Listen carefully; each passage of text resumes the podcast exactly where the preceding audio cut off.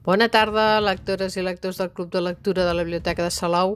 Avui dijous tanquem la setmana que heu tingut per fer les vostres intervencions i també tanquem aquesta primera tertúlia en podcast sobre la novel·la Els crims d'Alícia de Guillermo Martínez.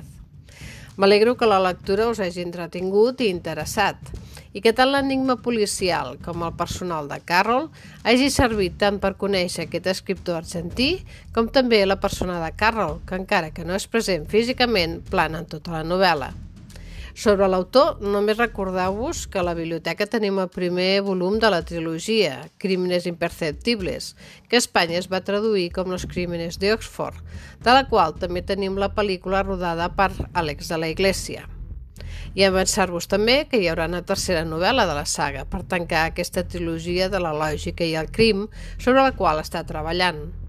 En una entrevista de 2019 comentava que ja tenia el context filosòfic amb el personatge del Seldom amb uns quants anys més, cap al final de la seva vida, però que encara no havia trobat una trama policial atractiva que l'il·lusionés. Estarem, doncs, atents per quan surti publicada. I sobre Lewis Carroll, subratllar que la seva ombra i la seva obra va més enllà de l'Alice en el País de les Meravelles i que té altra producció sobre lògica i matemàtica, així com diversos estudis que s'han editat sobre aquesta faceta de l'escriptor.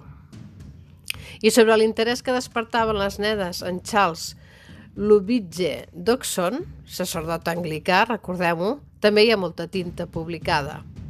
Ha passat indemne el vostre judici? Doncs no sé si ha quedat clar si l'acuseu o el defenseu. Es podria dir que no n'heu fet sang.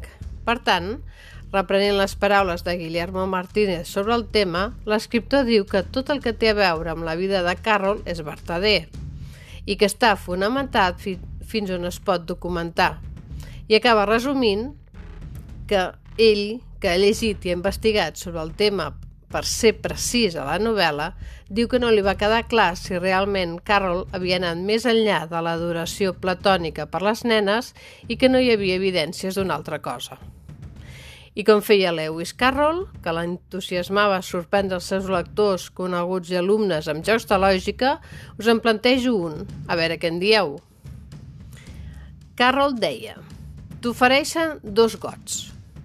Un conté 50 cullerades de llet, l'altre 50 cullerades d'aigua. Agafa una cullerada de llet i barreja-la amb l'aigua. I ara agafa una cullerada d'aquesta barreja i barreja-la amb la llet pura de l'altre got per obtenir també la barreja de llet-aigua. I aquí la pregunta. Hi ha més aigua a la barreja de la llet-aigua o més llet a la barreja d'aigua-llet? Que havia ser com el problema que es planteja que diu què pesa més, mig quilo de farina o mig quilo de plomes. Aquí ho deixem. Fins a la propera tertúlia, doncs, sobre la novel·la d'Àngel Casas, Sidoní té més d'un amant i jo esperaré més intervencions. Ens trobem de nou, doncs, a Bibliosalou Ràdio el 17 de febrer i, mentrestant, no deixeu de seguir-nos per estar al dia de les novetats mensuals. Que tingueu molt bones setmanes i molt bones lectures que us acompanyin en el dia a dia.